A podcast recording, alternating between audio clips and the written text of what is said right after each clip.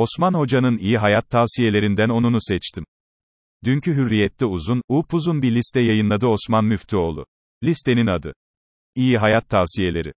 100 maddelik bir liste. Çok çok iyi bir hayat olmasa da, eh işte. İdare eder bir hayat için listeden 10 madde seçtim kendime. Bir strese uyum sağla. Uyum sağla demek kolay. Nasıl yapacağız bu işi Osman hocam? Huyunu suyunu bilmiyoruz ki bu meretin. İki az konuş çok dinle. Ben bunu zaten uyguluyorum. O yüzden bütün arkadaşlarım geveze. 3 yatağa aç ve tok girme. Benim gibi bir takıntılı, bu ölçüyü kusursuz biçimde tutturmak için ne çileler yaşayacaktır, haberin var mı hocam? 4. Ruhu bedenden koparma. Ruh bedenden gidince zaten ölmüş olmuyor muyuz Osman hocam? 5. Uykunu mavi ışıktan koru. Televizyon bir mavi ışık kaynağı mı Osman hocam?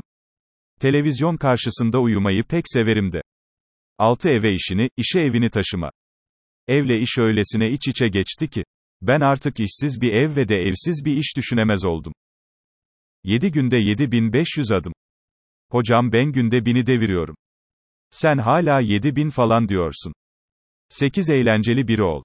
Nasıl olacak bu hocam? Fıkra öğrenip bağlamsız anlatsam kurtarır mı? Sürekli espri yapmaya çalışsam antipatik olmaz mıyım?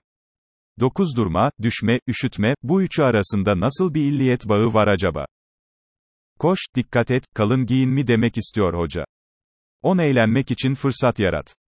Bunu her yaptığımda mutlaka karamsar ve kötümser bir arkadaşım devreye girerek fırsatı heba eder. Arkadaşlarımı mı gözden geçirsem acaba? Kemal Bey buna da bir açıklama yapsın. CHP'li Fikri Sağlar, durup dururken, başörtülü hakimler açıklaması yaparak ortalığı karıştırdı. Tabii bütün gözler CHP lideri Kemal Kılıçdaroğlu'na çevrildi. Hakkını yemeyelim. O da hızla bir açıklama yaparak, Fikri Sağlar'la aynı görüşte olmadığını söyledi. Tam bu işin ateşi sönmemişti ki. Bu kez CHP'ye yakın bir gazete. Ayasofya'nın ibadete açılmasını, yılın felaketleri arasında gösteren ya da böyle algılanmasına yol açan bir manşette çıktı. Fikri Sağlar olayında olduğu gibi bütün gözler olmasa da, bazı gözler yine Kemal Kılıçdaroğlu'na çevrilmiş durumda. Bakalım, buna katılmıyoruz. Ayasofya'nın ibadete açılması neden felaket olsun? Böyle bir şey olabilir mi? Diyecek mi? Fikri Sağlar olayıyla ilgili bir şey diyeceğim. CHP, başörtüsü konusunda. Bayağı bir mesafe kat etti. Bayağı bir yumuşadı. Bayağı farklılaştı. Bunun en temel iki nedeni şu. Birinci neden. Başörtüsünün AK Parti'nin elindeki en önemli mağduriyet kozu olduğunu fark ettiler ve bu kozu AK Parti'nin elinden almak istediler. İkinci neden.